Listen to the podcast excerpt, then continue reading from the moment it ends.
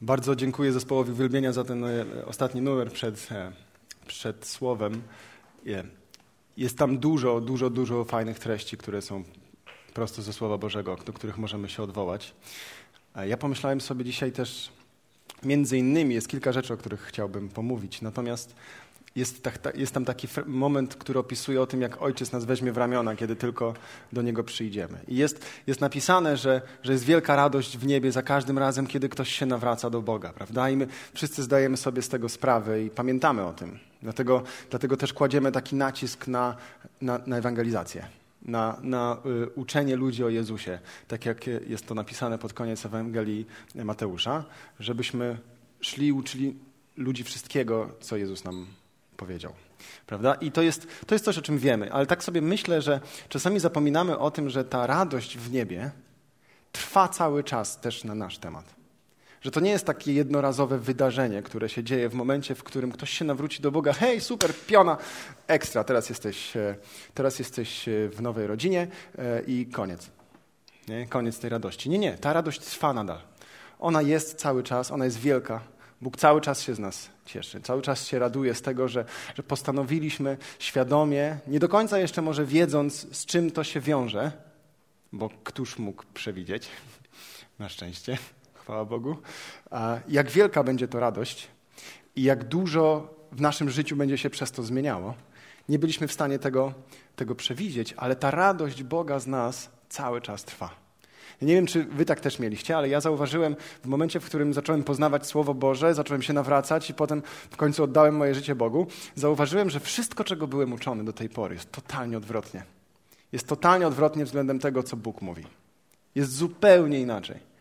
Rzeczy, które tolerowałem i uważałem za zupełnie normalne, bo przecież wszyscy tak robią, są czymś, czego Bóg nienawidzi. Często.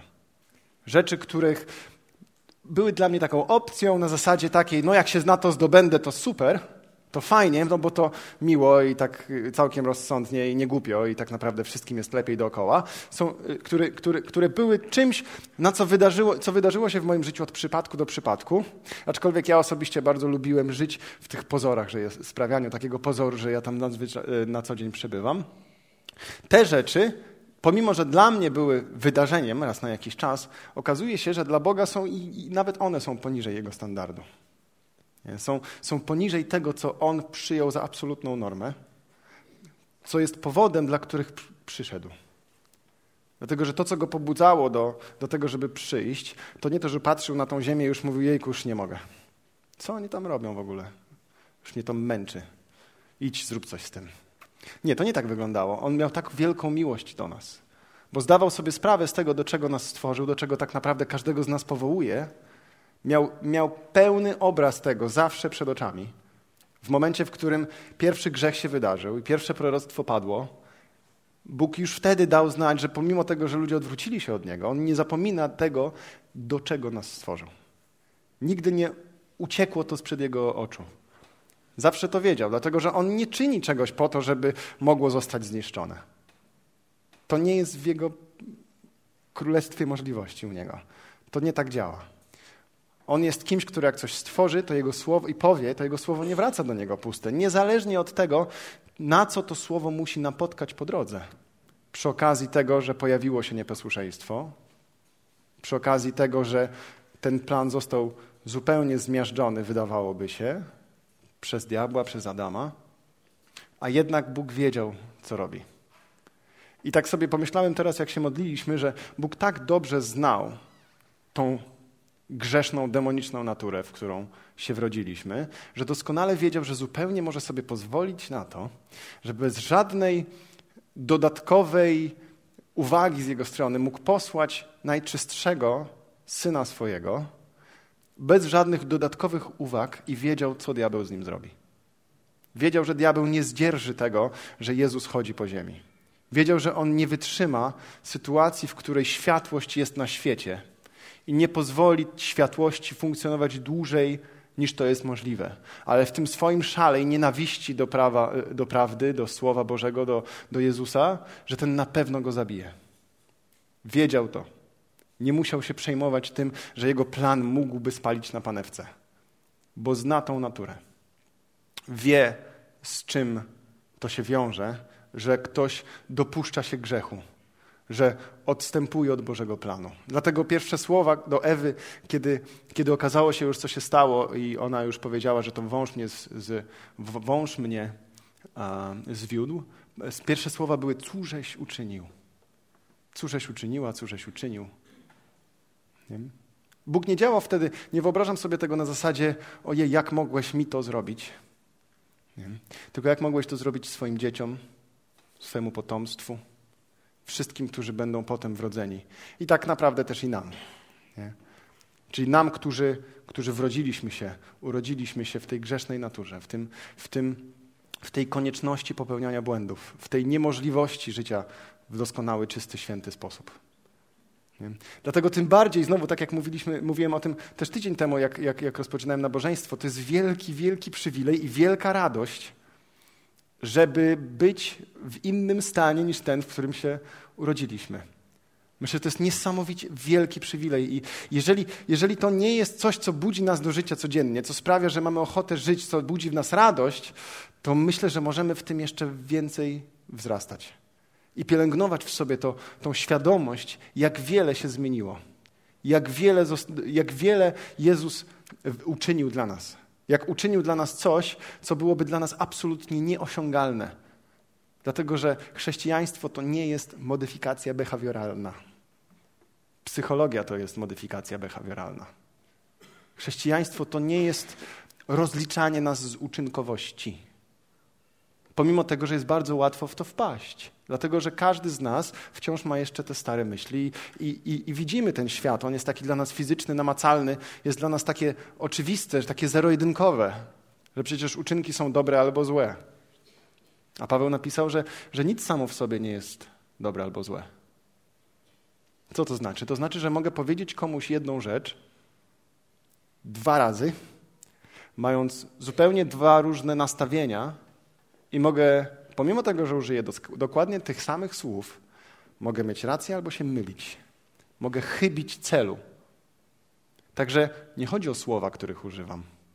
Nie, nie o to chodzi. Nie, w takim razie, skoro nie chodzi o słowa, których używam, nie może chodzić o rzeczy, które robię. Musi chodzić o coś więcej. Musi chodzić o coś, co jest głębiej.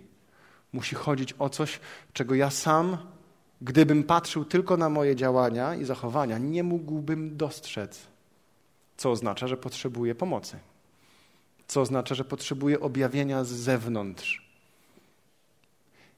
I tym czymś jest motywacja, tym czymś jest pobudka serca. Tym czymś jest to, że ja staję i chcę, moim, moim, moim celem nie jest to, żeby mieć rację w danej sytuacji, pomimo tego, że jest to tak obecne dzisiaj. U nas są, cały czas funkcjonują nauczyciele, którzy lubią mieć rację, coachowie, którzy lubią mieć rację. Nie? Na świecie to jest zupełnie normalne. Nie? On ma rację, idźmy za nim, on mądre rzeczy mówi. Nie? I to jest fajnie, że są ludzie, którzy rozgryźli jakiś temat, że, że weszli w niego tak głęboko, że są w stanie dostrzec, jak też niektóre rzeczy się łączą, a potem sprowadzić to do tak prostych rzeczy, że są w stanie nauczyć nas, którzy na przykład na co dzień się tym nie zajmujemy i nie poświęciliśmy na to tyle czasu, jakiegoś działania, które przynosi rezultat. Jakiegoś działania, które oszczędza nam dużo czasu i pracy, i frustracji, i zmęczenia tematem, w którym możemy dojść do wniosku, że a ja się chyba już do tego nie nadaję. Nie, to jest bez sensu. Może to rzucę. To jest coś, czym ja w mojej pracy spotykam się notorycznie i nagminnie. Niewiara. Czyli przychodzą do mnie ludzie, którzy chcieliby śpiewać. Którzy, którzy mają to przekonanie gdzieś tam głęboko w sercu, że bardzo, bardzo kochają to śpiewanie i tą muzykę. Choćby to miało być śpiewanie kołysanki dla ich dziecka wieczorem w nocy, jak ono, jak ono e, płacze. Choćby tylko do tego. Ale głęboko przekonani są również o tym, że nie powinni tego robić, dlatego że świat cierpi, kiedy oni śpiewają. Nie? Świat cierpi, kiedy siadamy do pianina, bo nie wiemy, nie znamy absolutnie doskonale całej teorii muzycznej. Świat cierpi, kiedy śpiewam, kiedy gram na gitarze i tak dalej. A jednak problem polega na tym, że jeżeli nie usiądę po raz pierwszy do tego instrumentu i nie przebrnę przez to, co brzmi fatalnie, to nie dojdę do tego, co mogłoby brzmieć dobrze. I dobrzy nauczyciele to wiedzą i zachęcają uczniów pomimo pozornego braku efektów. I to jest, myślę, ważne stwierdzenie pozorny brak efektów. Dlatego, że zanim przyjdą efekty, które są widoczne dla zewnętrznych ludzi, którzy są po, obok nas, muszą przyjść efekty, które są jasne dla nas, których my jesteśmy pewni, które zaszły w środku. Dlatego, że ci ludzie, którzy przychodzą do mnie i chcą śpiewać i są głęboko przekonani o tym, że daleko to nie pojedzie, że to jest beznadziejny pomysł w ogóle. Jedyna różnica między nimi a mną jest taka, że mnie nie da się wmówić, że oni nie mogą tego zrobić. Jest za późno. Ja już zostałem przekonany o tym, że to jest możliwe. I nie dlatego, że ja jestem tak świetnym nauczycielem. Absolutnie nie. Oj, na pewno nie. Nie dlatego. Tylko dlatego, że plan od początku był taki, że głos jest narzędziem nie tylko do mówienia, ale i do śpiewania. Kropka. To jest powód. To nie był mój pomysł. Nigdy, nawet przez pięć minut. Ale ja po drodze, będąc przekonanym, że to jest ten plan, że tak to działa, pomimo zniechęcenia, pomimo niewiary i niemocy, która by się wydawało, jest po drugiej stronie instrumentu ode mnie, e, brnę dalej. I mówię jeszcze raz. Jeszcze raz. Ja wiem, że to jest w Tobie. Wierzę głęboko, że dasz radę. Czego dowodem jest to, że próbujemy jeszcze raz. I jeszcze raz. I jeszcze raz. A teraz spróbujmy zmienić to. I zobaczmy, jaki to da efekt. Dlatego, że jeżeli coś jest możliwe, to tylko dlatego, że jest to łaska od Boga. Jeżeli coś dobrego jest możliwe, to jest możliwe tylko dlatego, że Bóg przewidział to wcześniej, żeby to było możliwe. Nie dlatego, że my jesteśmy tacy super i wymyśliłem dla siebie pomysł, że będę znany z tego, że śpiewam. Albo będę znany z tego, że jestem nauczycielem śpiewu. I będę znanym nauczycielem śpiewu w Warszawie. Nie mam na to żadnego wpływu. Nie mam, nie mam, pojęcia, jak mógłbym próbować wpłynąć na to, żeby takie nazwiska, a nie inne do mnie przychodziły. To nie ma żadnego znaczenia. Nie?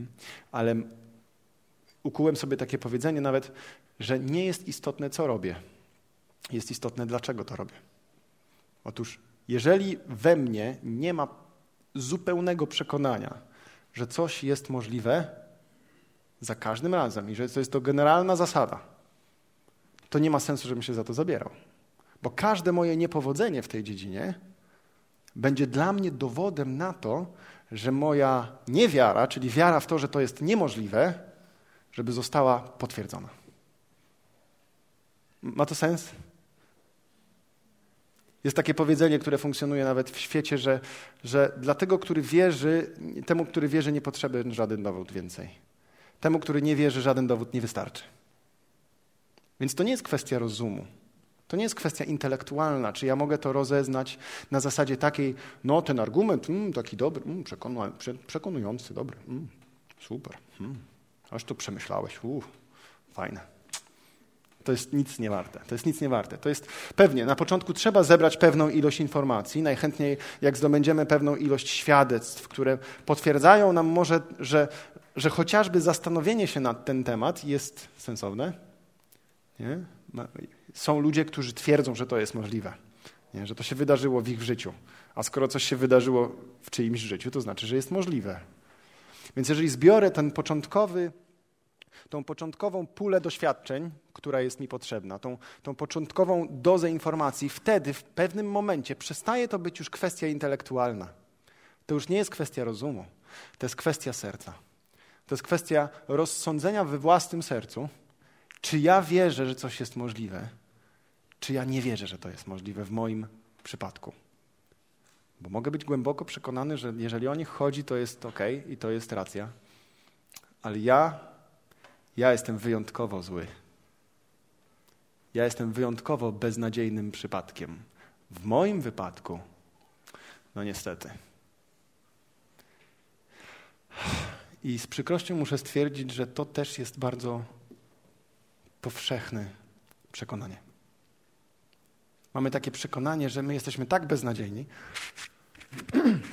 że my już tak nabroiliśmy w naszym życiu i my już narobiliśmy tak dużo złych rzeczy, że to się chyba nie uda. I niezależnie od tego, czy mówimy tu o śpiewaniu, które jest absolutnie trywialnym przykładem, ale czy mówimy o chodzeniu z Bogiem, o chodzeniu w czystości, o trzymaniu się z dala od grzechu, od niezbliżania, od zdania sobie, o zdaniu sobie sprawy z tego, że ja umarłem dla grzechu. Że grzech nie ma nade mną mocy, nie ma nade mną siły i że chodzenie w tym jest możliwe. Bo może jestem głęboko przekonany, że super, w kilku wypadkach w historii to się udało, ale jeżeli o mnie chodzi, to nie jest możliwe. To jest za późno. I chciałbym skromnie, bez narzucania tego nikomu, bez absolutnie żadnego potępienia, bo to, co mówię, nie jest skierowane do nikogo osobiście, powiedzieć, że jeżeli nie masz pełnego przekonania w sobie, że tak jest, to gdzieś uwierzyłeś w nieprawdę. Dlatego, że Paweł napisał, że umarliśmy dla grzechu. I chodzenie w czystości jest możliwe. To jest możliwe. Bóg, nie, Jezus nie powiedziałby nam, chodźcie za mną, gdyby to nie było możliwe, gdyby On nie był pewien, że to jest możliwe. On jest pewien, że to jest możliwe. On jest o tym przekonany. Jego się nie da jemu się nie da wmówić, że to jest niemożliwe. Jest za późno. Jest za późno. Bo on nie tylko powiedział, że to jest możliwe, on dał nam swojego ducha, żeby to było możliwe.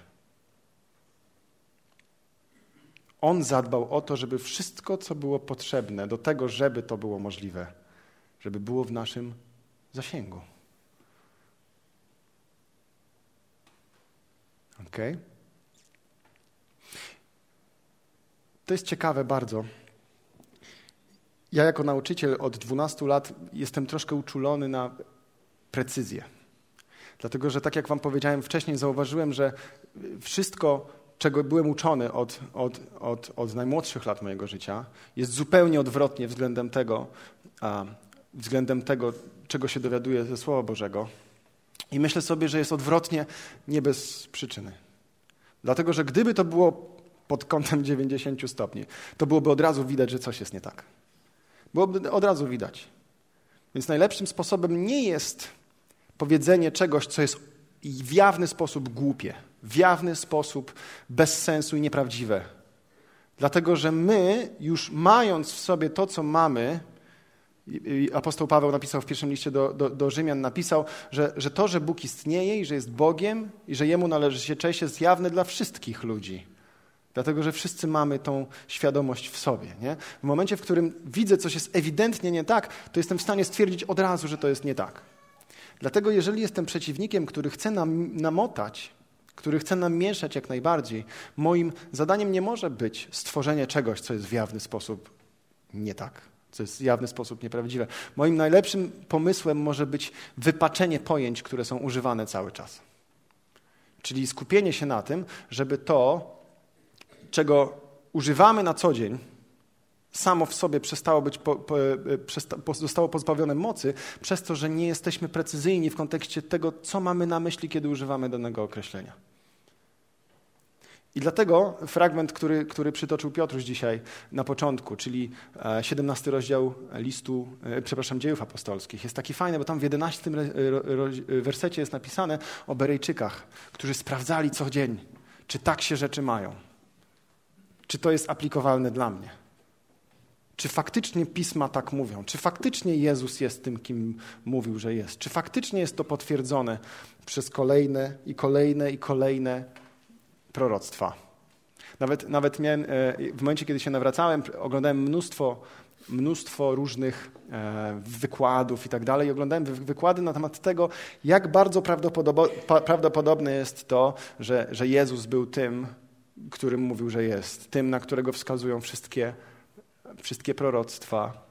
a, i cała historia, która prowadzi do niego. I okazuje się, że, że, że prawdopodobieństwo jest niesamowite. To mógł być tylko Jezus. Nie ma, nie ma innej możliwości. To mógł być absolutnie tylko i wyłącznie Jezus. Ten e, e, pastor, który prowadził te rozważania i podawał te liczby na podstawie ilości proroctw i tak dalej, stwierdził, że jest bardziej pewien tego, że Jezus jest tym, który został zapowiedziany, niż tego, że on nazywa się tak, jak się nazywa. Po prostu liczby, liczby nie kłamią. Nie?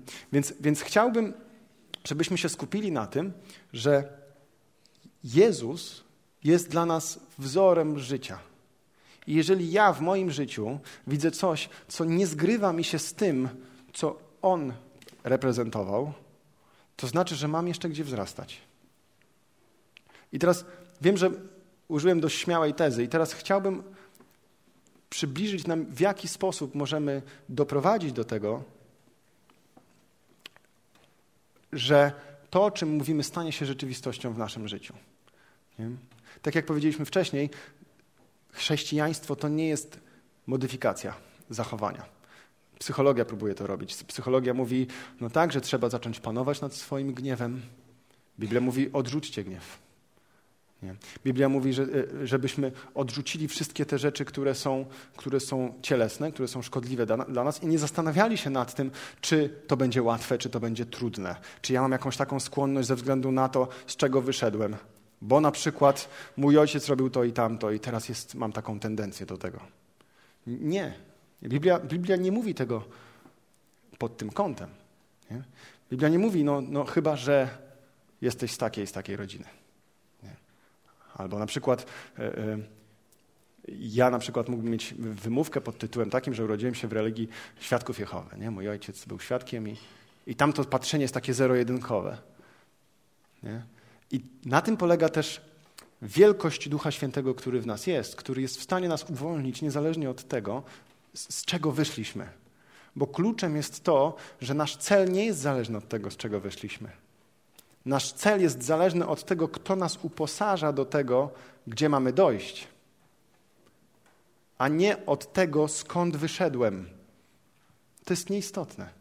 To, że ja miałem błędne pojęcie na temat Jezusa od samego początku mojego życia, nie jest dla mnie wymówką do tego, żeby nie uznać go za Boga, króla i Pana. Bo w momencie, w którym stanę przed Bogiem, to nie będę mógł powiedzieć, no wiesz co, ale przez pierwsze 18 lat życia, a przecież wszyscy wiedzą, że do siódmego roku życia 80% moich decyzji i spostrzeżeń wpływa na resztę mojego życia, tak naprawdę myślałem, że Jezus nie jest Bogiem. Nie będę w stanie tego nawet pomyśleć w obliczu prawdy, która stanie przede mną. Moje racjonalne ujęcie tego, dlaczego czegoś nie byłem w stanie zrobić, nie będzie dla mnie żadną pomocą w tym, w tym momencie. I dlatego chciałbym porozmawiać o takich trzech winowajcach, którzy są bardzo często używani przez diabła w naszym życiu, którzy powodują nami, a nie są od Boga. I wydaje nam się, że są od Boga, dlatego że czasami jeszcze patrzymy przez pryzmat tego, do czego jesteśmy przyzwyczajeni. I myślę, że w pewnym stopniu jest to normalne, że musimy się z tego otrząsnąć. To czasem trwa. Pewnie, że tak. Ale chciałbym powiedzieć o takich trzech winowajcach, którymi są wina, poczucie winy, poczucie wstydu i poczucie potępienia, które nigdy nie są od Boga. Ja, dla mnie to było niesamowite. Moment, w którym oddałem swoje życie Bogu, to, to trwało, nie wiem, około godziny.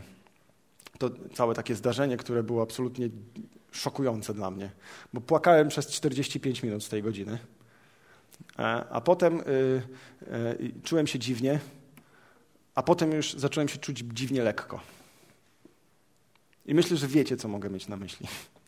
Ta dziwna lekkość, coś jakby zostało ze mnie zdjęte. Zostało ze mnie zdjęte i czułem się lekki, czułem jakbym mógł wyprostować się po raz pierwszy. Czułem jakbym ważył mniej niż ważę, pomimo tego, że nie ważę tak dużo ale czułem, że coś zostało ze mnie zdjęte. I myślę, że zdecydowana większość z nas doskonale wie, o czym mówię. I, I, potrzebowałem czasu do tego, żeby zrozumieć, co zostało ze mnie zdjęte. I w tym pomógł mi absolutnie ulubiony mój list. Jeden z trzynastu w Nowym Testamencie. a list do Rzymian, który powiedział mi, co zostało ze mnie zdjęte.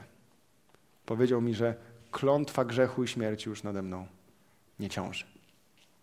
Że Bóg przeklął to, czym ja zostałem skażony. W ciele podobnym do grzesznego ciała Jezus przyszedł i został zawieszony na drzewie. I od razu przypomina mi się to, co się wydarzyło na pustyni, gdy Izraelici byli kąsani przez węże. I moment, w którym oni byli kąsani, kąsani przez węże, Bóg powiedział yy, Mojżeszowi i Aranowi, co mają zrobić. Otóż musieli podobiznę węża przybić na pal i podnieść. Na drewno musieli przybić. I przechadzać się po całym obozie. I każdy, kto spojrzał na tego przeklętego węża, był uzdrowiony. Ale czy to było magiczne działanie na zasadzie spójrz, jesteś uzdrowiony? Nie. To byli ludzie, którzy doskonale znali, doskonale znali prawo. Oni wiedzieli, że to, co wisi na drzewie, jest przeklęte przez Boga. Więc kiedy oni zobaczyli tego węża na tym kawałku drewna, przypomnieli sobie, że Bóg rzucił klątwę na to, co jest przeklęte, e, co jest zawieszone na drzewie, i wtedy wiara w nich została wzbudzona.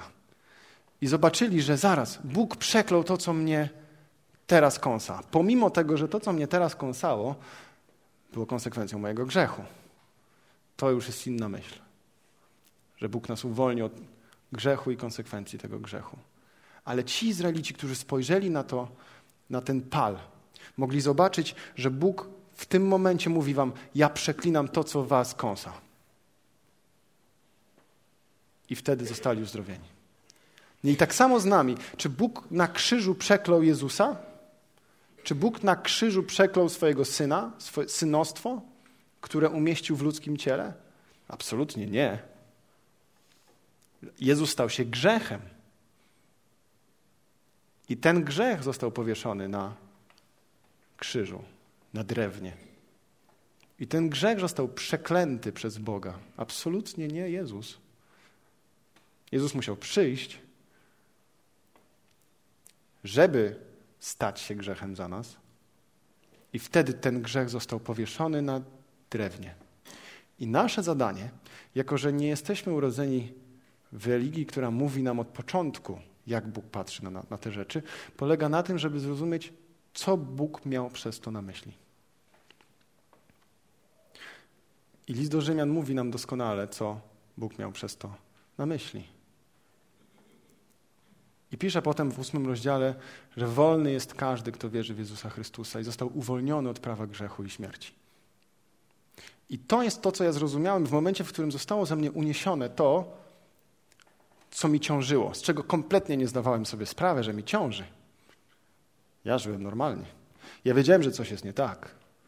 Gdybym nie wiedział, że coś jest nie tak, nie miałbym pragnienia, żeby oddać moje życie Bogu, mówiąc mi, ja już nie daję rady. Ja nie wiem, co się dzieje. Ja nie rozumiem. Ja wiem, że to nie jest możliwe, żeby to był Twój plan dla mnie. I wtedy przychodząc do Niego, gdzie chyba wam opowiadałem to, jak za pierwszym razem, kiedy do Niego przyszedłem, byłem bardzo arogancki i powiedziałem, że ja stąd nie pójdę, dopóki Ty czegoś nie zrobisz. Wyobrażam sobie, że, że, że Bóg patrzył na to, wtedy uśmiechał się, dam Ci jeszcze parę dni. I parę dni później, słownie parę dni później, przyszedłem do Niego w zupełnie, zupełnie inny sposób. Absolutnie inny sposób. I to trwało. To oczyszczenie trwało. Całe 45 minut. Tyle Bóg potrzebował, żebym się wypłakał. Kiedy zrozumiałem, jaka, jak wielka była różnica między nim a mną. Jak wielki ciężar był tego, co tak naprawdę dzieliło mnie od Niego. Czy to była Jego wola, żeby coś dzieliło mnie od Niego? Nie. Dlatego, że w pierwszej chwili, w której on zobaczył, że moje serce jest tam, gdzie on chciał, żeby było, on to zdjął. W pierwszej chwili, nie czekał. Tydzień wcześniej, czy te pięć dni wcześniej, moje serce nie było w tym miejscu. Moje serce było roszczeniowe, żądało zmiany. Nakazywało Bogu robić to, co on, to, to co ja chcę, żeby on zrobił. Więc on patrzył na to, uśmiechał się, myśli, ciepło, ciepło, ale to jeszcze nie jest to. I w momencie, w którym przyszedłem do Niego, w pierwszej chwili to zdjął. I miałem to poczucie lekkości, tak jak gdyby wina nade mną nie ciążyła. I dlatego myślę sobie, że poczucie winy to jest coś, czym, czym diabeł się posługuje. Bo my doskonale pamiętamy, co to znaczy czuć poczucie winy. Doskonale wiemy, jak to jest. To jest dla nas znajome odczucie. Dlatego, że mamy to odczucie od momentu, kiedy się urodzimy i często nam towarzyszy. Często popełniamy błędy. Za każdym razem, kiedy się potkniemy, wiemy, że się potykamy. Za każdym razem, kiedy zrobimy coś nie tak, wiemy, że zrobiliśmy coś nie tak.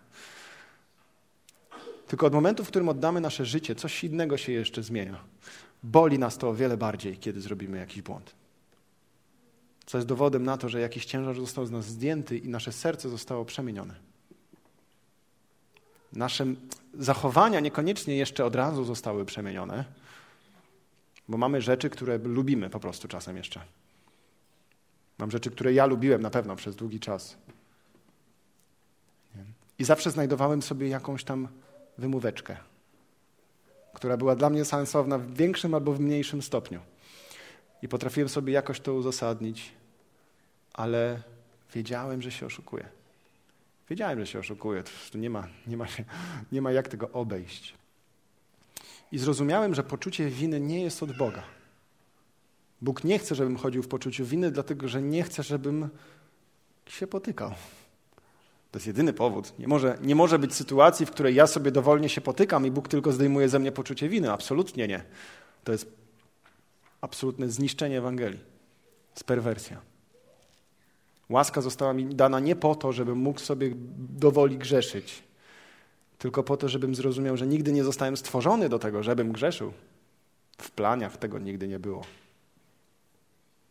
Teraz jest, tymczasowo. Ale jest kilka rzeczy, które, których nie było początkowo w planie, a pojawiły się. Jezus powiedział, że pójdę do mojego Ojca i przygotuję wam miejsce. To znaczy, ono nie było gotowe. Nie było zamierzone wcześniej. Wcześniej ludzie mieli cały czas funkcjonować na ziemi. Aczkolwiek pojawiło się to wyjście, że będziemy musieli przez pewien czas funkcjonować w niebie, aż przyjdzie nowe niebo i nowa ziemia. I plan zostanie już odtworzony w stu procentach.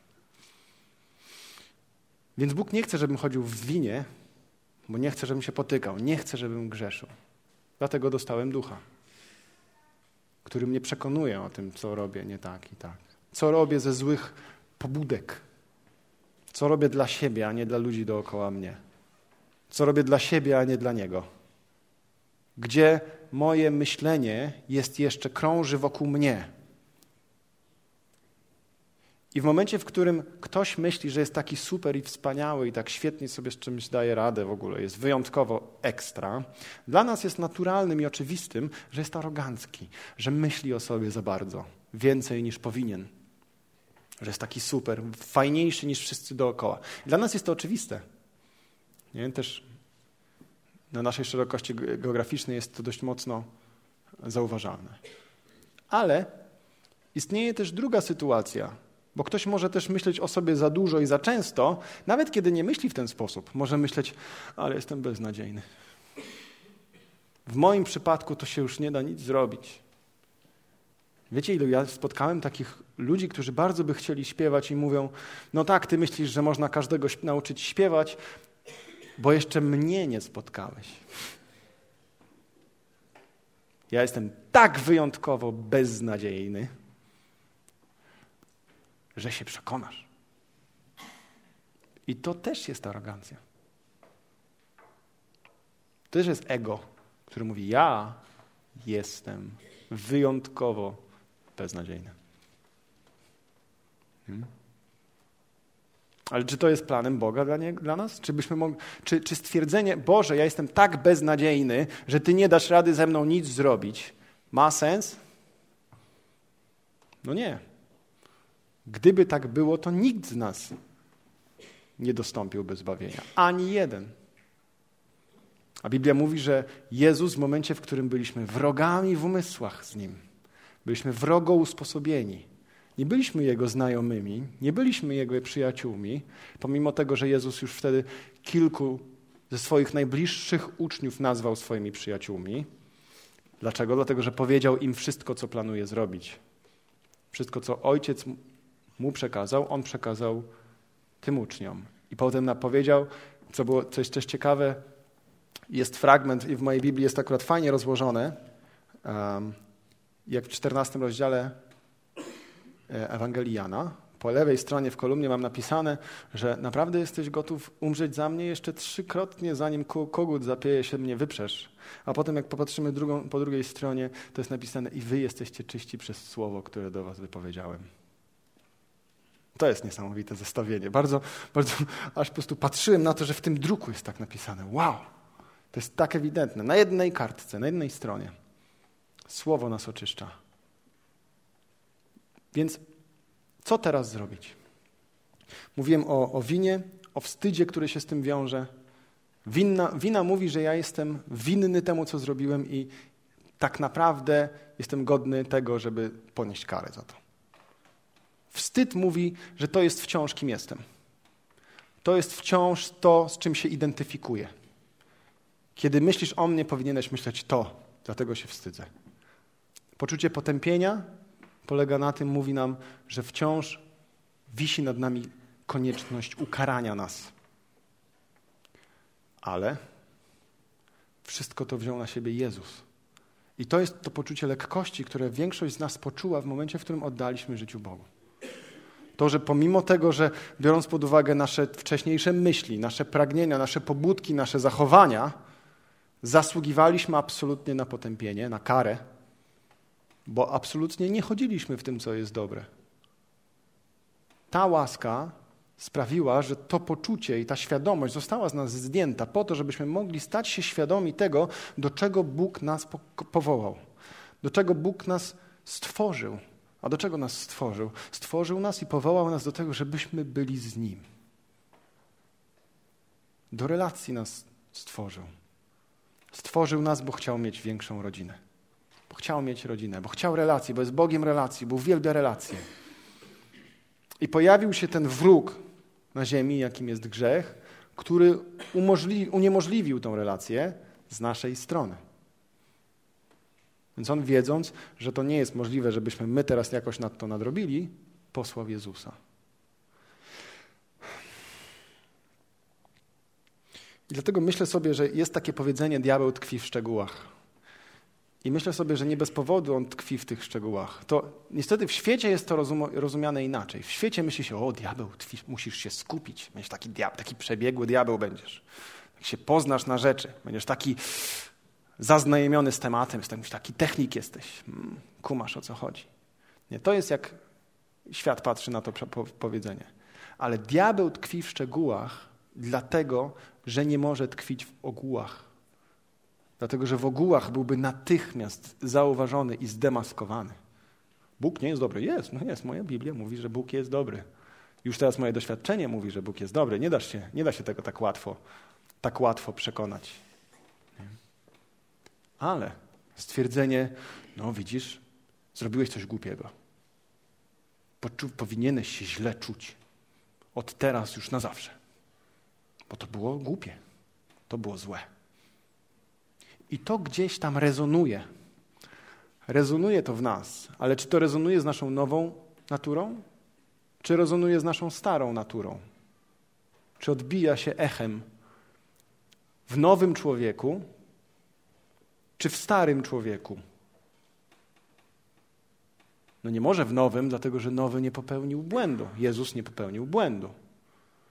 Więc jeżeli ja zdam sobie sprawę z tego, że Jezus umieścił samego siebie we mnie i skupię się na tym, tylko na tym, nie na tej mojej głupiej umiejętności popełniania błędów, tej, którą czasami tak jeszcze lubiłem, tak mocno byłem do tego przywiązany, że robię coś w pewien sposób, bo tyle mi to pozornie przyjemności sprawiało. Jeżeli jestem skoncentrowany nie na tym, ale na tym, że On mnie oczyścił, że On mnie stawia, jak mówi list do Kolosan w trzecim rozdziale, świętym, czystym i bez zarzutu przed swoim obliczem. To jest moment, w którym jak stawię samego siebie w tym, to mogę iść dalej. Jeżeli nie postawię się tam, to będę najpierw próbował dojść do tego miejsca i tam nie dojdę. Bo gdybym mógł dojść do tego miejsca, Jezus nie musiałby umierać. Ale Jezus umarł. I oddał swoje życie i przelał swoją krew. Co oznacza, że późniejsze, a raczej jego wcześniejsze stwierdzenie idź za mną, musi być możliwe. To musi być możliwe. Inaczej on by tworzył frustratów, którzy chcą iść za nim, ale nie mogą. Ja chcę, ale nie mogę. Boże, jak ja mam to zrobić? Ale nie, ojcze, ty mnie stawiasz przed sobą świętym, czystym i bez zarzutu. Ty sprawiasz, że mogę uśmiercić uczynki mojego ciała. Ty mi dajesz ducha, którym mogę uśmiercić te uczynki. Dzięki Tobie to jest możliwe. Będę Ci dziękował od dzisiaj na zawsze, każdego dnia, że nie muszę iść tam, gdzie powinienem, gdzie nie muszę iść na oddzielenie od Ciebie, na co zasługuję, ale mogę mieć z Tobą relację już teraz, bo Jezus umarł i Twój duch już ze mnie mieszka. I wszystko, czego Ty pragniesz dla mnie, jest dla mnie. Czy to jest aroganckie? Wielu wydaje się, że tak. Ale to nie jest mój pomysł. To, to nie jest mój pomysł. Mam nadzieję, że to widać. To nie jest mój pomysł. Ja nie miałbym tak śmiałego pomysłu. To jest ojca pomysł. On ma śmiałe pomysły. On ma śmiały pomysł. Wyślę jednego mojego ukochanego, najlepszego syna. On wystarczy. Nie trzeba będzie wysyłać nikogo dalej, drugiego. On wystarczy. On wie, co robić. Ma to w swojej naturze. Nie musi przechodzić żadnego dodatkowego szkolenia. My musimy. My musimy zrozumieć, co się wydarzyło. Musimy zrozumieć, co zaszło. Musimy zrozumieć, co zostało z nas zdjęte. Musimy wiedzieć dlaczego, żebyśmy mogli to docenić. I to jest miejsce, w którym Ojciec chce, żebyśmy przebywali. I wtedy prawda nas uwolni. Bo to prawda nas uwalnia. Jeżeli ja przeczytam prawdę raz i pomyślę sobie, super, ale fajnie. I odstawię to i wrócę do tego, kim byłem wcześniej, to list Jakuba jest dla mnie czymś, co, przeczy, co powinienem przeczytać. Czyli człowiek, który patrzy w lustro i zaraz zapomina, jak wygląda.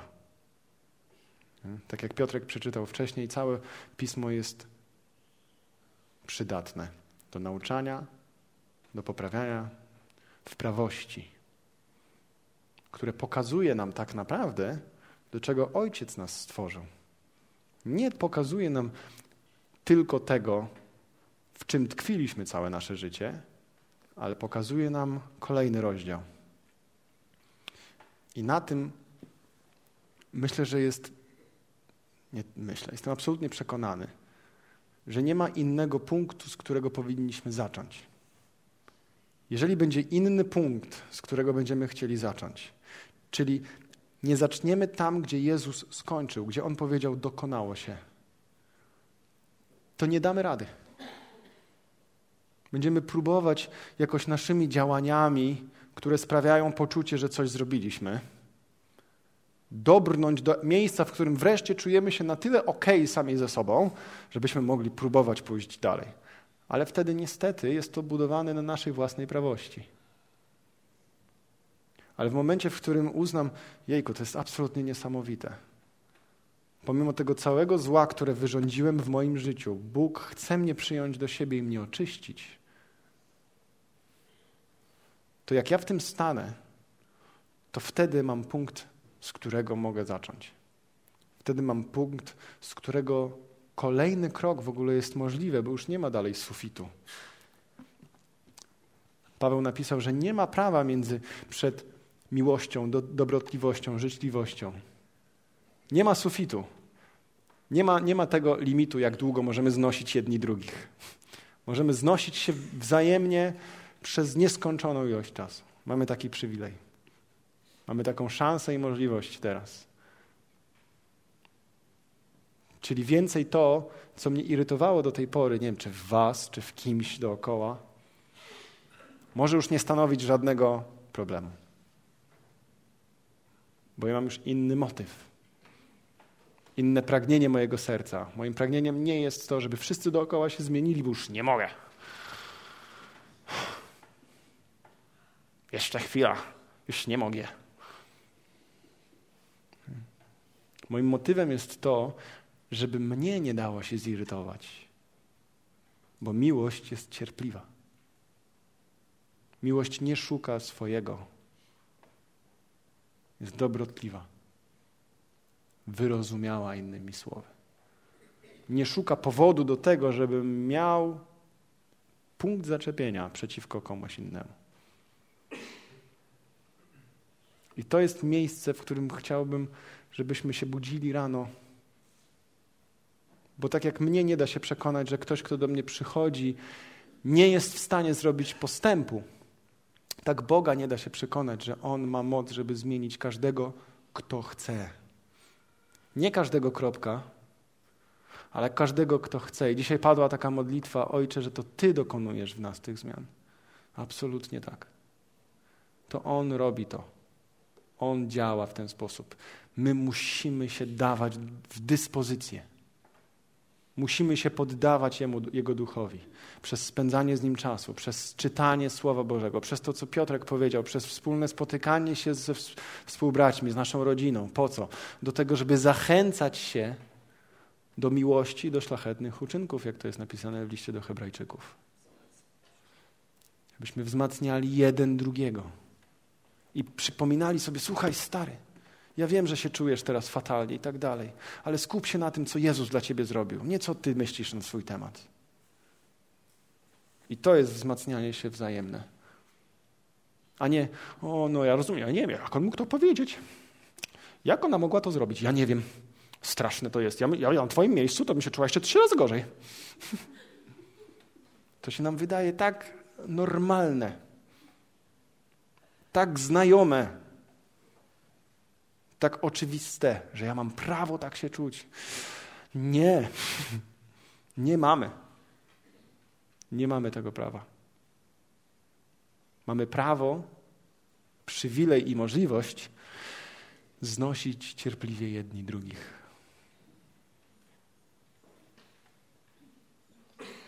Dziękuję bardzo. Wstańmy do modlitwy.